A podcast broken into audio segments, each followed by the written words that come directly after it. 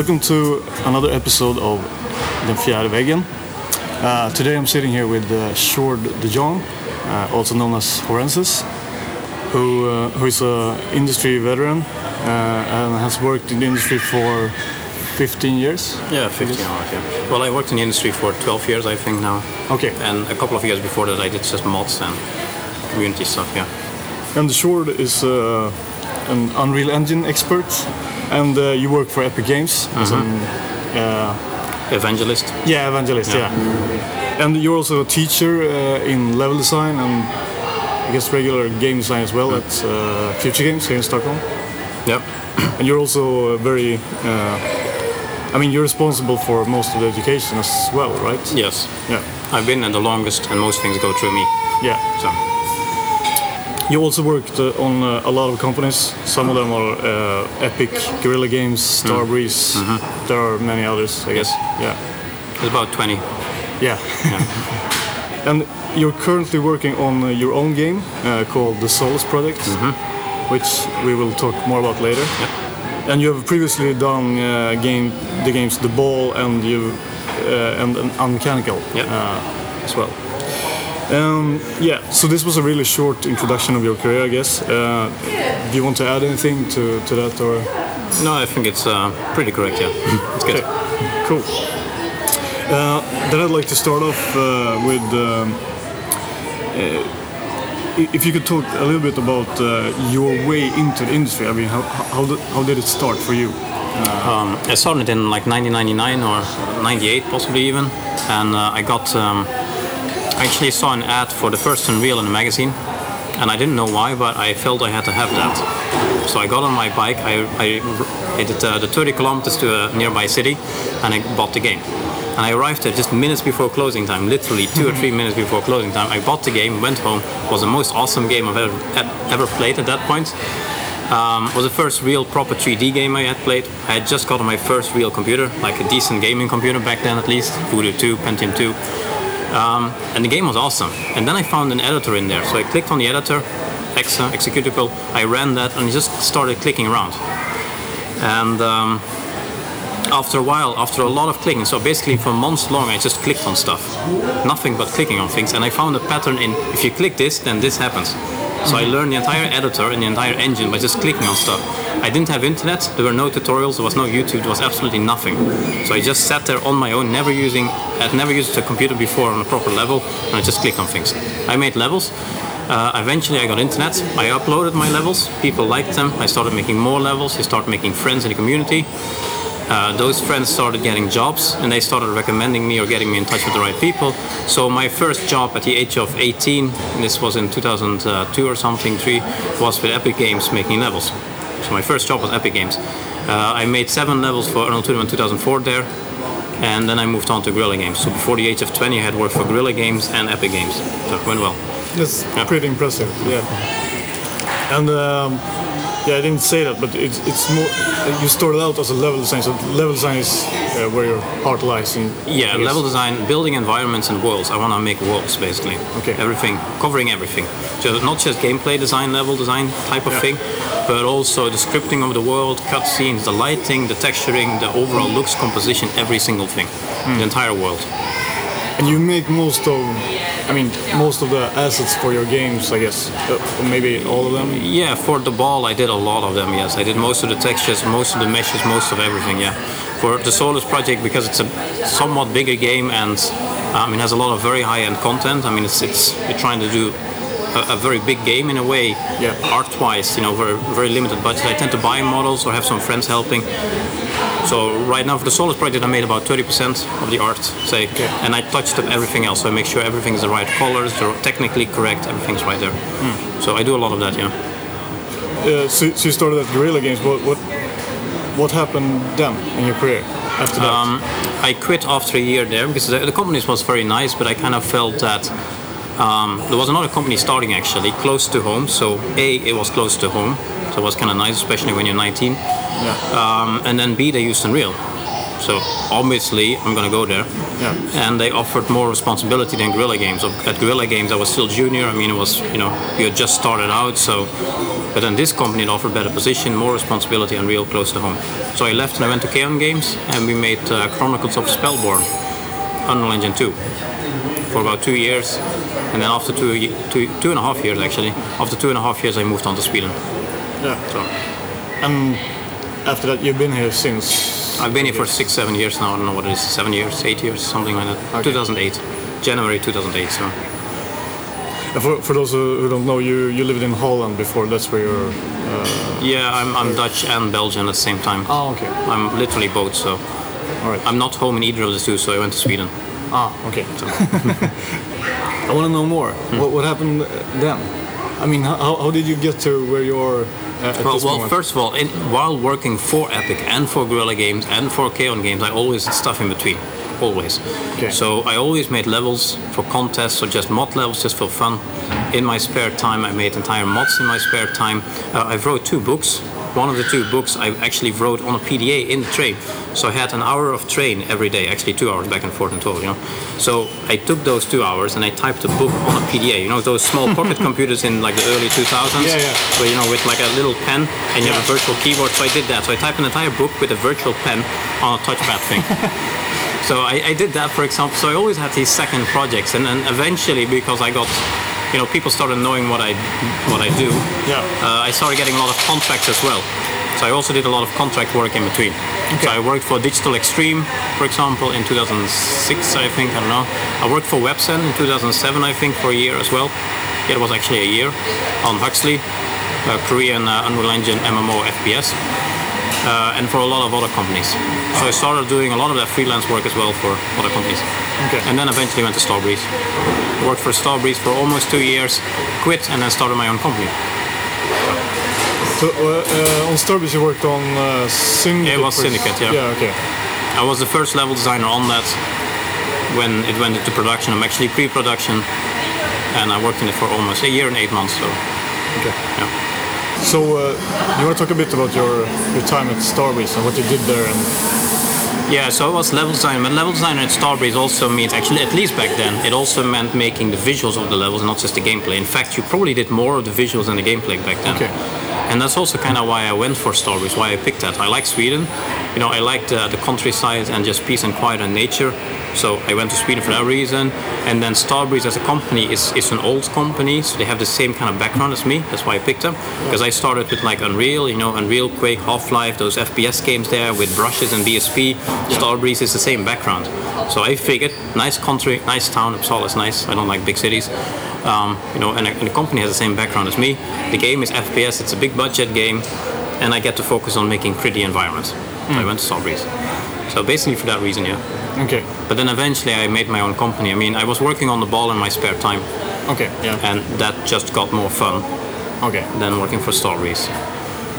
So then you realized you wanted to wanted to go solo or indie. Yes, then then I quit basically. I quit my job in Sweden, so I was in a foreign country. I quit my job there, and uh, I started my own company. Yes.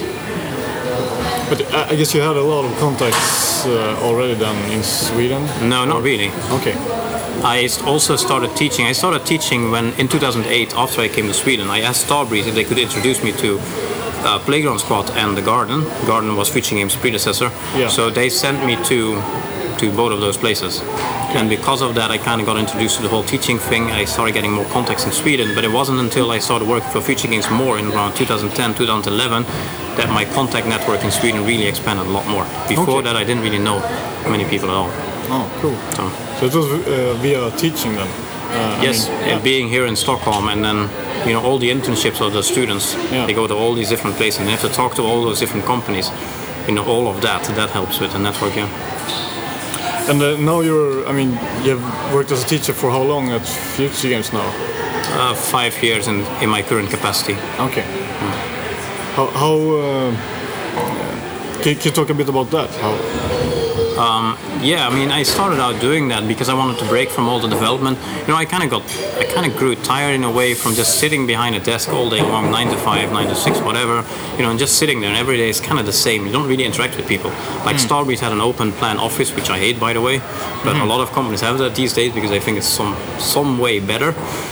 But people just put on headphones, they sit next to, next to each other, and you never really talk to each other, and that's it. And you go, hmm. just go there every day, you go sit behind your desk, you click on stuff and make pillars and door frames, and then you go home in the evening, and that's the end. Hmm. You know, and I kind of looked for something more. I also understood that at that point I had been doing game stuff for eight, nine, ten years. I couldn't keep on doing that because you can't be a 50 year old level designer. No one will hire a 50 year old level designer a couple of years from now. You don't need someone with 30 years of experience placing trees in a garden, you know, or wherever, whatever you're making. So I figured I need to expand, I need to do something else, I need a, a, a backup plan to fall back on. So I did that. That's why I started teaching. Yeah, okay. And I mean, now you have uh, a lot of different things going on at the same time. So you you have your own company uh, and I have my own company, I have Future Games, and I have Epic. okay, yeah, cool. So So uh, how do you manage? um, it's quite hard, yeah. It's 70, 80 hours a week consistently, yeah, all year round. and you've also been a father recently, uh, or you've become a father. I mean, Yeah, we had a daughter uh, nine months ago, so Yeah. Oh, that's it's uh, yeah, I it's just- impressive. I work really hard. Yeah, I rather work really hard now and then have it easy later, whenever I want to have it easy, than having the stress or the lack of choice later on. You know, from not having enough money or enough- enough work or you're unemployed or whatever happens. The more I do this, the more choice I have later or at any point basically in time to say I'm going to do less right now. The more freedom I have. do, do you do you ever take uh, take a leave or from, from your work? Yeah, I guess I take about two weeks a year and leave, Okay, which is not that bad, but I don't really take any weekends, so the two weeks a year would include weekends. okay. So I was wondering a little bit about uh, your work with the Epic Games. Mm-hmm. Uh, can you talk a little bit about what you do as an evangelist? And, Yeah, so I'm principally responsible for Northern Europe, including Holland and Belgium. okay. Um, and basically, I travel around. I go to different cities, hubs, game development hubs, basically, and I talk to all the developers there. I go to universities. I hold lectures at schools. I go to conferences. I talk to people at the conferences. Um, you know, I organize community meetups. I organize just general meetups, all those kind of things. okay. So I reach out to people basically. I, I I'm all about getting people interested in Unreal and reaching out to them. That's it. I don't sell anything. I don't none of that. Just getting them interested. Basically, you have talks uh, and you contact people and set things up, I guess. Yes, basically you, you act as the the starting point for them, Okay. and I introduce them to the rest of Epic. I'm the you know I open up the, the line of contact basically, and I also look at the industry. I, I tell Epic you know this is going on in our part of the world here. You know this is how the industry is growing. These are the trends. These are the, the kind of things people expect. So it's about that. It's about getting perspective, research, those kind of things, data, hmm. and keeping communication open with developers and reaching out to people. So I'm establishing quite a large network of contacts now. I already had the Future Games, you know, all the contacts I built up with Future Games and the contacts I had from before I came to Sweden. And now, of course, this this is really making a difference now. The Epic Game stuff. So, so I visit about hundred companies a year right now, and about ten different conferences, I think, or whatever. I mean, it's adding up. Yeah. It's, uh, it's very nice. Yeah. It gives you a lot of perspective on what, where the indus- industry is heading, what different people are doing, what they expect, how all of it works. Because you see so many different places. So it's very nice. So you get a really good overview.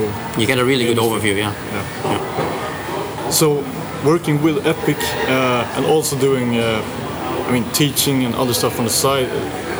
Are there any complications uh, with? Yeah, you have a slight conflict of interest, I guess, at one point or not. It's, it's not. A, I mean, you can't avoid it. You will at some point have a conflict of interest. Like just for example, the fact that I'm doing a game of my own. If I have a technical question, how do I ask Epic that technical question? Yeah. Am I asking a technical question because of my work for them, or am I asking it because of my own game? I mean, how, where does it come from? So there are some complications, yeah, but we can work it out. So uh, how how do you work that out? I mean, how could you how, how could you do in in uh, a situation like that? Well, I mean, we discussed it and we set a, a couple of rules and you know some guidelines on how to do it. So I'm just going by that. okay. But I mean, that's just one example of a complication. You have other complications as well, right? So But uh, do you, do you have any examples that that you uh, other than that that, that you have uh, experienced? Uh, let's let's twist the question around. Okay. There are of course complications from doing so many different things at the same time, but the benefit there's also a lot of benefits. Yeah. Yeah, and the benefits obviously that it's it's best better for everyone. You know, sometimes I get in touch with a company here in Sweden because of my work for Future Games, and then it turns out they're interested in Unreal. And sometimes it's the other way around, right? You, Mm. You know, it kind of helps. It really helps there. yeah. And it kind of helps that I have to reach out to companies sometimes to talk about something the students are doing or something, something school related. And then in the meantime, I have a way, I have a, a line of contact open for Unreal and the other way around as well. So that's really helpful, I think. Yeah. yeah. So there's a lot of benefits there as well, which I think are worth more than any possible issue you might hit here and there. Yeah. So You, you've also written two books, one about the industry and one about level design. Uh, can you talk a little bit about? Uh, I mean, what, what have you learned during this these uh, 15 year, or 12 years, I guess? Uh, Yeah, I, I wanted to do the book. I started writing the book, I think, in 2005 or six for the first time, and then I did a second edition in 2008. Yep. Um, I wanted to do it because there's very, very few books out there on this subject. Actually, there still aren't any. It's now 2015. There's nothing out there. There's a couple of level design books. Half of them are too academical. I mean, it's a very small set, right? So I wanted to fill, to fill that void. I also wanted to make sure that my knowledge, that everything I'd learned until then, would be stored somewhere and would be able to be shared with others. So I did it for that reason as well. Um, but of course, in the meantime, it's now been six, seven, eight years, whatever, since the last book. You know, I kind of have to update it, I guess. yeah. Yeah. So I, I've learned new things, and I kind of have to go through it again and update it. You always learn new things. So I'm probably going to do a third edition in a year or two years or so from now. And, and uh, is is that the case with the, the book about the industry as well? Is Absolutely, because I mean, when I wrote the industry book, I had only been in the industry for like four, five, six years or whatever. I mean, that's a different case now, working in education, doing the work for Epic Games, and just you know having run my own company. I had done none of that when I wrote the book. Plus, the industry. I mean, there weren't even indie games when I wrote the book. You know, there It's- wasn't there wasn't even an iPhone when I wrote the book. So obviously, the industry really moved on. Yeah. So I probably have to rewrite large parts of the book on the industry. Yeah. So, but I don't think that the industry book isn't as popular, and there's quite a lot of, on that to be found online. Yeah. So it's not a priority for me to update that right now. do, do you have any future plans on other books or? No, um, I mean, like I said, I will update probably the level design one at some point, but that's about it. Okay. I think the market is rather small for it still. Yeah. You know, it's more of a niche thing, um, and it takes a lot of time to write a book. Yeah. It takes way too much time actually for the amount of return you will get on it. It's more of a, a hobby thing. Okay. I mean, the book sold quite okay. I sold it on my own without publisher. I did everything entirely on my own, and my sales numbers sales numbers are actually really nice. But it's not not enough to cover a year worth of work, which is No. what I lost. Yeah, about the industry. I mean, you, you have a lot of knowledge there. Uh, could you talk a little bit how, about how the industry has changed during your uh, your time in the industry? I mean, Um, I think it changed a lot, obviously. Um, I, I kind of miss, but maybe I'm getting old, so I'm kind of nostalgic for the good old days. But you're kind of missing that. Like when I started again, there was no YouTube, there was nothing, and you had such small communities. Like there weren't that many people doing it, so it was quite easy to just know everyone. You know, it, it's much more of a like nowadays. There's so many people doing it, and it's so easy in a way to get into it. It kind of loses its uh, romantic, closed community feeling. You know, it just gets really big, and everyone is doing it. I, I kind of miss the old days in that sense. Yeah. Um, yeah, actually, that's the biggest thing probably. Okay. And also, you kind of lost the whole level design and mod community because you can now do indie games. Indie games kind of replace that. Yeah. The only reason you made mods back in the day is because you couldn't do anything else. Yeah. But still, it had a certain vibe because no one was commercially focused. You know, it was all just about fun making levels, hmm. and that did create a different kind of community. Then again, the current indie, obviously, the indie scene right now has a lot of advantages as well, right? It's just different, but coming from the old days, I'm, I kind of miss those hmm. level design days. So uh, because people didn't have uh, like didn't expect to get paid or so there was more. Yeah, it was. It wasn't commercial. or- I mean, you couldn't even sell the level. It was against uh, the end user agreement on those games. You couldn't Yeah. in any way commercialize those ga- those levels or mods. So no one expected to be paid. Everyone did it for fun, and still everyone worked really hard and worked really focused. Well, now it feels like maybe there's too much distraction or too many different things. Like no one really focuses anymore, not at the same level. So I mean, the first couple of years before I got a job, I made over 20 levels. I just made one level after the other, after the other, after the other. And there were a lot of people who did that. You know, and nowadays it, it's not like that anymore. Um, so that's, I guess, a negative thing. Hmm. Uh, do you have a, do you see any positive uh, things in the in the change? Well, obviously, also the fact you can you can you could actually make an indie game now. That's positive. You couldn't even do that back then. I mean, like I said, it's not it's not negative that it happened. It's just different. Okay. You know, so the fact you could actually you have engines out there right now. You normally couldn't even get an engine. That's why you modded because it was the only way you could ever work with a decent engine. Yeah. You know, the fact you can just use Unity or Unreal now or anything else, it's just really really nice. The fact you have uh, stuff like Steam and every every other store, Good Old Games, for example, Yeah. all those stores out there, so you can actually sell it. That's really nice. Really made a revolution. Yeah. So that's definitely positive. But on the other hand, you also get like you know, if it gets too positive, eventually it gets negative again. Yeah. You get too many games. You get too many game developers. The whole thing gets too big, too saturated. At some point, it will probably crash. So, when do you think that will happen? Do you have any? You know, I mean, if you can predict all of that, then then you're rich. So Yeah, that's true. yeah. But it, I mean, you, you've talked about this earlier that you think it's, yeah, you think it's gonna implode, I guess, uh, at some point. Uh, Uh, maybe it doesn't implode in, in, in that kind of sense, but I I think it's going to go more towards where the music industry is at. okay. No one cares anymore. Yeah. like people make music and you listen to it and you just don't care. You can't get rich on. No, you can't get rich, anymore, rich on it. No, like 99% of the people never make anything. Yeah. And then 1% makes all the money. They make gigantic amounts. They do what Minecraft basically did. It's very nice for him. He made a huge amount of money. But in the meantime, 99% of the people are not in that situation. Hmm. So I think it, we're going that direction, yeah. And the Steam sales and everything is going in that direction. Like all the Steam sales, they're very nice for the end user, for the gamer. They're good for Steam, for Valve, Hmm. Yeah. because they get money anyway Yeah. right? But if you're a, if you're a game developer, you sell your game, you basically have to immediately price it down, and then hope that you get on the front page of Steam, and you know, and that's it, and that's the end of it. Yeah. It makes people expect to pay less and less for your games. That's like true. when we sold the ball, uh, people would like in a sale buy like GTA 4 back then, um, and they would say, "But I, I paid five euros for GTA 4. Yeah. Why do I have to pay 20 euros for your game?" and you start getting that. Yeah. Yeah, that, that's going to be an issue, I guess. Yeah. Definitely. The, the iTunes store already has that, Yeah. and we don't want to go there. True. But at the same time, I guess uh, th- there's more platforms coming out all the time. I mean, with phones and stuff. So maybe maybe it's changing towards that. No. I But that's a problem also. I think in the 80s or the 90s, I forgot exactly when it was, we had a lot of platforms as well. And the market crashed because it didn't become viable anymore to run those different platforms. It fragmented the market so much that you basically, you know, you fragment your user base and everything. It's not very good. And we're going there again now, which is not necessarily good. On the other hand, we're getting more and more niche audiences as well. And therefore also niche devices actually. Uh, you, you mentioned you mentioned the ball a, a lot. I mean, it's. What, what were your uh, what was was your vision with the ball?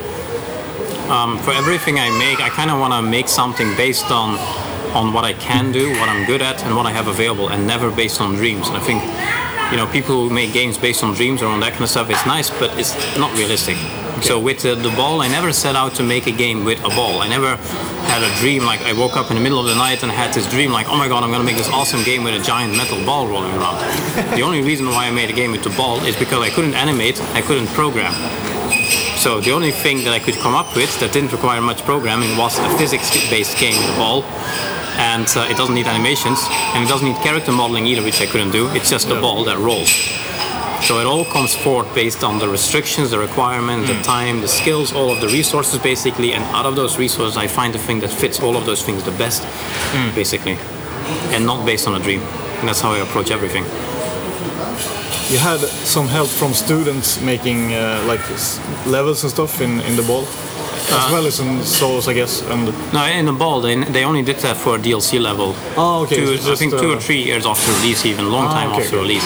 The entire game there. Well, we had one student from Future Games 2009, I think, Okay. who worked on, who made one part of the level. Yeah, yeah, okay. but that's it. All the other work was done uh, for DLCs for the students. So I tend to give the students at Future Games my old game, so they can look at how the entire game is made. They can use the content and make something with it. And if it's good enough, we can always release it as extra. Yeah. So, but the actual games themselves, we're doing, we do entirely ourselves. You know, the, the original games. So. Also, uh, the Solus project. I mean, I guess your uh, your uh, work process is similar, uh, as I've understood it, because you have uh, you have uh, like developed your own model for for making it really effective to to make levels and stuff. Do you want to talk about that? Yeah, I have a video on that actually online that shows it better, but it's a super modular. Everything uses pretty much the same texture, at least most of the normal modular pieces. Um, the, the rocks, I actually I bought a texture at uh, GameTextures.com, nice site, uh, and then I'm, I I displaced meshes based on that. So I actually baked the meshes from the textures instead of the other way around, which, which is standard. So yeah, I developed a lot of these, you know, different ways of doing it. So. I, I mean, I, I think quite unconventional in a way. I don't really look at what others are doing either. I just figured it out on my own, and therefore I end up with like completely different ways of doing some things, which tend to actually work well. Yeah, because you can make uh, like a lot of stuff from from a couple of meshes. I mean, a couple of assets. Yeah, you only need a few assets to get quite far. So yeah, That's that's awesome. Um, you you also have this. Uh, you talked about you want everything to be as modular as possible when you when you build stuff. Uh, how, how did you how did you uh, come up with that, or how how did you come to that point? I mean, I, I think it's my brush background, the BSP brushes from back in the days, because we did the same thing there. You had basic cubes, but you would basically, you know, you do everything with just cubes. But then the way you texture it, or the way you rotate the cubes, or you know, the way you manipulate it, you would suddenly have different kind of environments. And I think I took that lesson and I translated that into a more modern mesh-based workflow. So it's mostly based on that. Using a couple of smartly made textures and then you apply that in different ways. And that's it. Instead of, you know, one unique texture per mesh or whatever. I just I actually made the textures before I made any models. So I first make the texture and then I apply that tiling texture in different ways to the models. I made a thousand models, I imported all thousands of them, and I just started building a building. So I never knew the original building. I never knew what kind of building I wanted to do when I made the texture or the pieces. I just built the pieces and the textures that I know will work well based on past experiences. And then once I have the Lego pieces, basically, I have this big box of Lego in front of me, and then I will be like, what if I take that Lego piece and this, then I can build this kind of building. So the building comes forth out of seeing the possibility in Lego pieces, but I never start with the building as first idea. And that's a completely different way. Yeah, definitely. So you never have uh, have a, an idea or a vision of like what kind I- of levels you yeah, want I to have make. A, I, I have a, I have a picture in my head. It's not always extremely detailed. okay, But I mean, I do know, for example, the buildings in Solus are made of metal and stone. You know, I have a number of rules in my head. yeah, But how they look exactly, 100% exactly, I don't know. That kind of just happened by itself. And I think in my entire 15 years of doing this, I've used uh, three pieces of concept art That's- ever. And that was because I was forced to use them. okay, So I have this, again, it's a very unconventional way of doing it, but I never use concept art. I have a picture in my head and I have past experience to build on, and I go with the flow in combination with the picture in my head. And I just build it, and it just happens, and it just works. So, but I mean, uh, isn't that hard if you? I mean, if you you have to know how stuff looks. I mean, if you want to build uh, realistic uh, levels, for example, uh, you, just uh, realistic It's not very hard because you see realism all, all around you. Yeah, that's true. So you don't need much imagination, just So need memory. Just building it from Yeah. memory, then. Yeah, basically. Okay. And there's a lot of pictures you can find online if you really want to look at something. I mean, Yeah. realism isn't too hard. No, that's true. Yeah.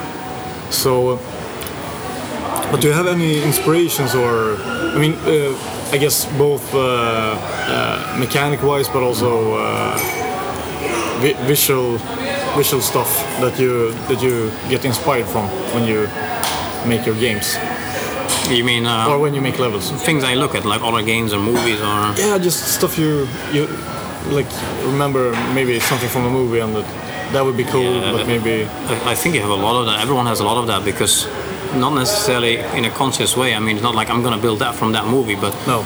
It's somewhere sticks in your mind. Like I've seen this movie where they had a tunnel through a mountain. I can't remember exactly how it looks, but just the vision, the feeling of it, the atmosphere. I think that sticks. Yeah. And I don't think you can avoid it. I mean, it will. No. That will happen anyway. Of course. So I guess I have a lot of that from movies, you know, from other games, from cartoons that I read, you know, comic books actually, Mm. when I was young. So yeah. But I have nothing specifically. I mean, I don't have a favorite concept artist or a specific game or anything like that. If I have a specific game, it's the first Unreal. Okay. Okay. I started with that. But other than that, I mean, again, it's more unconsciously. all right. You have an influence there, but it's not very pronounced. Do you want to talk a, a bit about level design in general? I mean, what you think are uh, what, what is good level design for you? I think good level design has to keep the balance between the visuals and the gameplay for one. But I mean, it kind of really differs from game to game. Depends on what game it is. Um, I think the harmony and the balance across all things is important. Between the gameplay, between the visuals, but also within the visuals, like the composition of it, the color scheme used, the way the gameplay is put together, when the easy moments are, you know, when the more intense moments are, the whole thing. So it's very hard to say. No. Yeah, I don't think of specific things. I think more on a macro scale. You know, Okay. Which is again kind of specific to the thing you're making. But, but do you have any good examples or like favorite levels or stuff you you you you was really you were really impressed by or something like that? Yes, but I think I think those. Do you have a favorite this or that? Questions are always rather hard because a they're very personal. Like often you like something more simply because it, it was the first game of that genre Yes. you played, for example. Or back then in 2004 it was really cool, you know. And then nowadays it looks crap. That's true. So I think it's rather difficult. I mean, I like Morrowind a lot, especially uh, atmosphere-wise and world-wise. The first Unreal for sure, in terms of buildings, in terms of architecture, colors, atmosphere, the whole thing, the story, and the team. But I mean, also Half-Life and Half-Life 2 were really nice. But again, those are older games. You tend to stick more to the older games, I think, because Yeah. that's the, that really made an impression on you. Well, nowadays, if you play games, it's yeah, it looks great. It's super polished. It's really nice. You know, Uncharted is absolutely brilliant. But at the same time, it's like you know, I've seen that before, and yeah, it's more of the same. Yeah. So I'm not sure if it's because you get older, or you get more used to it, or because I don't know. So it's uh, first Unreal was uh, I mean like uh, I guess something that stuck for you and you kind of. So could you say that first Unreal uh, was the game that uh, made you want to make your own levels and Yeah, first Unreal was the first proper game I played. First time I actually, you know, proper gaming, not just old DOS games or whatever. No, no, yeah. And uh, the first time I, I used an editor. First time for everything, basically. Mm. I used Unreal before I even used email. that's I've been using Unreal longer than email. When you get older and when you when you start making your own games, you don't have as much time to actually play games. Uh, do you No. agree with that? Yeah, I, I don't play much at all. Okay. I played GTA 5 this year, and uh, I played. Uh, I'm playing The Witcher now. The Witcher. Okay. Yeah, three. That's it. Uh, what do you think about those games? You, I, I like that. I like those big games because when I start playing a game, I kind of, which is very contradicting to the fact that I don't have time, but I tend to take the biggest games out there, Okay. and then I play them all the way through. So I will actually complete The Witcher and all the quests I could possibly find. okay. I will do the whole thing. uh, I don't know why, but I kind of just once you're in it, I kind of just want to complete it. I want to finish it, and you're in the world. It's easy to step into it again. Yeah. I don't have to relearn controls or learn the game again. I can just continue with the way I was playing, which kind of makes it easy to just stop your work, do that briefly, and continue with something else later on. So yeah, I try to play the biggest games out there. I will play Uncharted 4 and those kind of games, you know. Yeah. But I really only play the very biggest ones, and that's it. Do you think you you overlook uh, uh, indie games for that reason, or do, Yeah, but the, main problem is really it's so many of them. I don't even know where to start. okay? And that's the general problem we have as an industry, I think. There's Yeah. too much. I don't know where to even start. I don't know what game is good. I don't have the time to research it. I don't have the time to look up reviews. I don't have the time for that. Therefore, I only buy the things I'm absolutely 100% certain of is great. GTA 5, The Witcher 3, you know, the really big stuff. And that's it. It's not that I don't care about indie games. I think they're really nice. It's just I really don't have the time. I can't get to it. Okay. I mean, both GTA 5 and uh, and uh, uh, The Witcher uh, games are like really massive productions and with a lot of content and stuff. I- i- Is that the reason why you why you like them, or is it some other reason, or is it just because you know they will be good because they're they're so? Yeah, I know there's a certain certainty of quality, so you know what to expect. So you know it's worth the money, worth the time, especially. Okay. Um, I just like the style also. I mean, it's just fun to play. You know, I played all the GTA games since the beginning, and it's just fun to do. And I mean, I, I like Morrowind, and The Witcher is basically like Morrowind, it's the same direction, same genre. So Yeah. it's basically because I just like the game, because I know it's the quality is good, and because I can actually play them for a long time without having to care like what should I do tonight. Hmm. You know. So when you when you play an open world game like that, do you do you play by? I mean, do you play the story, or do you wander around and exploring? Or I do both. I kind of want to have seen everything. okay, but I kind of calculated as well. I know I should probably do the story first for a couple of, you know, for a while, then level up a bit, and then I can do something else, or, or yeah. and I, so sometimes I think too much as a developer. I, I kind of know like if I do this too early on, I might bug out a game. So let's not try to bug out a game just in case. So I try to stay away from that and do as I'm supposed to do. Okay. just to make sure because if the game bugs out, I lose time on that, and I don't want to do that. I don't. Have, I can't lose time. So That, that, that's kind of interesting actually, because uh, I mean, I guess you see a lot of like Mm. flaws and stuff uh, really early on in games. I mean, you it kind of comes with the, the work, I guess. yeah, but I, I kind of learned to distanciate myself from that. okay, I don't try to do it too much because it's no fun anymore then. yeah, You, you want to play games to relax, so you don't want to just be working and Yeah, you know true. rethinking their design. So I kind of just accept it and go with it, okay, unless it's particularly terrible, you know. But I, I don't do it. I think other people probably do it more than me. I just play it and I try to look at it like a gamer and Okay. just go with it. The only thing I do is I, I suspect where the bugs are and I try to avoid any possible bug that there might be out of winning time. Ah, okay. So I want to go back to the Solus project. If Mm-hmm. that's okay. Uh, do you want to do, do you want to talk a little bit about uh, what kind of game it is and, and why why you made that It's game? a single player exploration experience with survival elements, so it's uh, first person also. Um, and basically, you crash land on an alien planet. You're the last survivor of your ship, and your ship was sent out to uh, find a new home for Earth. So Earth is going to get destroyed, and you're basically mankind's last hope to find a better place to go to, a place to start a colony. Except your ship crashes, and you're the only one left, and you can't phone home, and Earth might get destroyed in the meantime. so you might actually be the last person in the universe. So you're definitely not going to get any help. Um, and then you're stuck on this planet, and it turns out that uh, you're not the first one there. You don't see any life forms, but it's clear someone has been there before. You know, and then you start discovering skeletons, and they are actually quite human-like. So you can start wondering what really happened here, and apparently you're not the first human there. Right. So it's about unraveling the mystery while trying to save Earth. okay. But it's a, a linear game, really, right? So when I say a survival game, there's a lot of survival games out there. It's not a sandbox. It's not multiplayer. It's strictly single player, and it's strictly, well, not strictly, but it's linear. There's some pockets of you know where you can do what you want to do, but it's linear. It's an experience. There's a story, there's a start, and there's an end. So it's more like traditional, you know, 90s FPS games, basically. Yeah. Like a game like Unreal. It has actual levels. There's loading screens between the levels, and you go through this specific path, doing certain certain puzzles and objectives. So um, it's a survival game, but it's also I mean there, there's a lot of different pillars in there. I guess you could say. Uh, It's a first-person adventure game with survival elements. So Okay. Not the other way around. yeah. Yeah.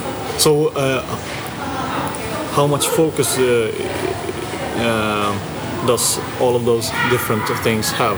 You think? Uh, I guess it's kind of evenly divided, 30, 30, 30 or so. You know. Okay. Exploration, survival, and uh, puzzle stuff. Yeah. Yeah, I've had the pleasure of uh, trying the game, and, and I know it's it's it's kind of a hardcore experience, or at least it was in the Yes, but beginning. it's, it's getting much easier now. okay, And for example, the controls pop up now, so it will say what button to press. You know, we get a lot more. There's more stuff there. And also, we will build in options. We already have the options actually to scale down the difficulty and scale down whatever you want to scale down or up. Okay. You can enable permadeath and make the difficulty six times as high. so we want to make sure it's playable for you know wide audience. okay. Yeah. So, um, I mean, how did you come uh, to that, uh, or uh, was that through testing that you that you got to those? Uh, Yeah, I mean, decisions? it's kind of typical if you make a game that you tend to survive a lot better than other people. Yeah. You, you, you survive your own games a lot better. So, yeah, people tend to find it quite hard, so we made it a lot easier. okay. So it's mostly based on that, yeah. I guess you could say it's it's it is a sto- uh, story. I mean, it's not story driven, I guess, but it, it, there is a story in the game as well. Mm. There is a story, yeah. Yeah, uh, but it's it's to, to me it's it's like a, you can see that you are a level designer because the story is uh, more. I mean, it's, it's an exploration story. You, you find stuff and stuff like that. It's not- based on the world, yeah, not on Yeah. the characters. exactly. Yeah. So it's not uh, like there's not a uh, scripted narrative or something. No, like the that. player doesn't even have a name. Okay. The player doesn't exist. It's about the world, so everything is a focus on the world. How, how- how come it's like that? Uh, I mean, It's, it's again, um, you know, the, the older games Yep. influencing me. Actually, even Half-Life, where you have Gordon Freeman, he has a name, but he never talks. You never see his face. He doesn't really exist. So even Half-Life did that. Quake did it. Never really had a name. You know, Unreal did it. The player was no one. Never talked. Didn't have a name. You never saw the player either. Well, you saw him in a mirror. So all those older games did that, and also simply my focus is on the world. I like building worlds, so I don't want to be building out the character of the player. I don't want to try to copy like Uncharted. I don't think it's very doable. These uh, the, the focus on the world are. are uh, you like uh, uh, yeah that kind of structure? I like it, but on the, on the other hand, if you have The Witcher, for example, you do have a clearly, you know, the characters. It's clear who the character is and what his background is. If you have Uncharted, it's the same thing. Tomb Raider, the same thing. I mean, you have a lot of those games that have a very large world to explore, but the character is still very strong as well, and I'm fine with that. It's just not what I can do due to technical and creative reasons. Plus, I just feel it fits better. Okay. So, um, another reason why, uh, I mean, for example, Half-Life does a really good job at making you feel that you're you are Freeman. I mean, you're, you're you're Gordon Freeman, but uh, as you said, you never see him basically. No. I mean, yeah, you see him maybe sometime in in a reflection or something, but that's that's about it. Uh, it- how how come? Uh, why do you think uh, you, you get such a strong uh, connection to the to the character? What is it that, for example, Valve does so good uh, in that aspect? It's a harder question because in a way, in a way, Half-Life 2, for example, is getting a little bit older. It was a really Yeah. nice game back then, but if they were to do Half-Life 3 exactly the same style as Half-Life 2, it wouldn't work anymore. Yeah, So in a way, we, we appreciate Half-Life 2 for what it was back then. I think. I think Uncharted again is, is a lot further in that regard than Half-Life now. In the way they do the story and what happens, and they develop the character and all of that. yeah, I think Half-Life 2 was a little bit stuck in the 90s, probably by design also because it's, their style. yeah, So I'm not sure it was that well done. It might be nostalgia as well. People playing Half-Life 1, they're nostalgic to that, and they play Half-Life 2 and they like it mm. based on those that emotional connection as well. It was of course a good game, but Yeah. there is an emotional connection as well. But I think they they actually do that in like the Portal games as well. Mm-hmm. They, they really True. they really care, but you have basically not a lot of reason to care. I mean, No, I guess you get not to- placed there. you get talked to a lot by the other characters and such. But then again, there's more games that do that. Yeah. Hmm. Yeah. Yeah. So the it's it's interesting, I think, how they how they managed to do that. But I mean, actually, when I play Portal, I never really feel like I'm the character that you are in Portal. I just hmm. feel that I'm myself, so I don't really have many problems getting into it because I'm just myself. Yeah, that's true. It's actually more like that. Hmm. Because I'm never reminded that I'm someone else, except when they say a name, but name aside, you're never reminded. Hmm. And that might be more it. Yeah. But it's interesting because yeah, because I mean yeah, I guess I guess it's because it's first person and you're you really th- so you're more there, I guess. You never have cutscenes that show you and everyone else. Exactly. Yeah. That's true. Yeah. That's It's one thing So you, it's not actually about making the player feel he's someone else. It's about just making the player just feel himself. Yeah. I think. yeah. That's why it works. And that's actually what I'm doing with Solus. I don't want you to feel like someone else. You're Mm. playing. That's it. Okay, so uh, Solus, I'm, I'm really looking forward to it. Hmm. You also you you were you had an, uh, a trailer at uh, Microsoft. At, uh, Yeah, we were we were part of the the E3 Microsoft press conference. Yeah. So uh, that, uh, congratulations to that. It, That was really nice. And we were at uh, E3, of course, at uh, the normal, you know, normal booth, and we're going to be at Gamescom now as well. Okay, cool. So, uh, how, how, how did you manage that? I mean, it's I mean it's cool, but it's Yeah, I mean, uh, uh, we worked together with the Grip guys in Czech Republic, okay, and they had a previous relationship with Microsoft and such doing console games. So it's really just contacts, previous relationships, that kind of stuff. okay, It's all it's all really that, everything. The more I do this work, the more you realize it's just that. Like I was in, uh, I was at Casual Connect a couple of months ago in Amsterdam, and I was in, in this old building. The building was 500 years old or so, and it used to be an old place where merchants would sell each other stuff. Mm-hmm. No, it's it's uh, I don't know what you call it in English, but basically it's that kind of building. Mm-hmm. And it really makes you realize 500 years ago people would come here to talk to each other in person to try to sell stuff. And now we have Casual Connect and we have the internet and we have all this stuff we have. We still go to places in person, talk to people in person just to convince them that they should be interested in what you're doing, mm. even while they have internet. So nothing changed. It's all just contacts and connections. yeah. Uh, actually, you said something earlier that was really interesting. That you said that I mean connections and uh, I mean I guess teamwork and stuff is such a big part of this industry. I mean, it's skills that's really required of you as a Yeah. developer Yeah. uh, or as an aspiring Yeah. uh, developer. Um, and skill is Mm. a small part of that. It, it's the foundation for the rest, but it's not Yeah. the goal, or no, Okay. it's where you start. Yeah. Yeah. So, uh, could, could you talk a little bit about that? Just uh, how, i- from your perspective, the these other skills. Uh, I mean, how important they are and, and why? I, I think they're going to get ever more important because creative skills kind of go down, they lose value over time. You can see the same with photography or making music or anything else. The more people can do it, the more accessible it gets, the more programs you have to do it, the more everything. The more people start doing it, the more people start not caring anymore actually. Mm. Like they just don't think there's value in it. There's just so much of it, it loses its value. And I think we're going there with games as well. Like I've been doing this for 15 years now. There's a very def- there's a very clear pattern from 15 years ago to where we are now. Mm-hmm. So I think in 10 years from now, it's you know just the fact you can make a game is not going to be worth that much anymore. The reason why people are going to get employed and keep their job is for other things, their credibility, their past experiences, the, the people they know, the mm. teamwork, the way they approach the work, the way they show up on time and they do everything you know correctly you know the way it should be done they're thorough, it, thorough in their work and effective all of that that's going to be defining. The fact you can do it is not going to be that special anymore. Okay. it already lost most of its value now so. Just look at how many indie games there are. Yeah. 20 years ago if you wanted to make a basic space invader game you would need uh, weeks of work. Now you can do it in like two hours you would have the game. Yeah. it's worth nothing anymore after, after a while. That's true. so. So I guess you, the people you know, the connections and stuff, uh, is really important for Mm-hmm. for someone getting into the industry. yeah people overestimate skills and they underestimate everything else so, That's really interesting. Um, we're getting uh, short on time here, but uh, I'd like to, to finish this off by asking you uh, a question you probably don't want to have. But uh, if you have a favorite game, yeah what kind of uh, what game is that, and, and why? Again, I don't have a specific favorite game. Okay. If there is a favorite game, it's Unreal or Unreal Tournament. But again, it's emotional reasons, and it's not because it's. I mean, the games are good, but hmm. you know, it's all discussable. What game is better and which element in those games is better. It's just emotional. Hmm. Okay. So So, so you don't have a, a, a favorite, I guess then. no, I don't think anything is perfect, which hmm. is normal. I mean, nothing is perfect. So I don't have one game that does everything perfect, or maybe one game does everything per- perfect, but it's a specific genre. You know, maybe I like a specific real-time strategy game a lot, but then again, you play Uncharted again, and that's a completely different game. Yeah. You know, it's just different things. True.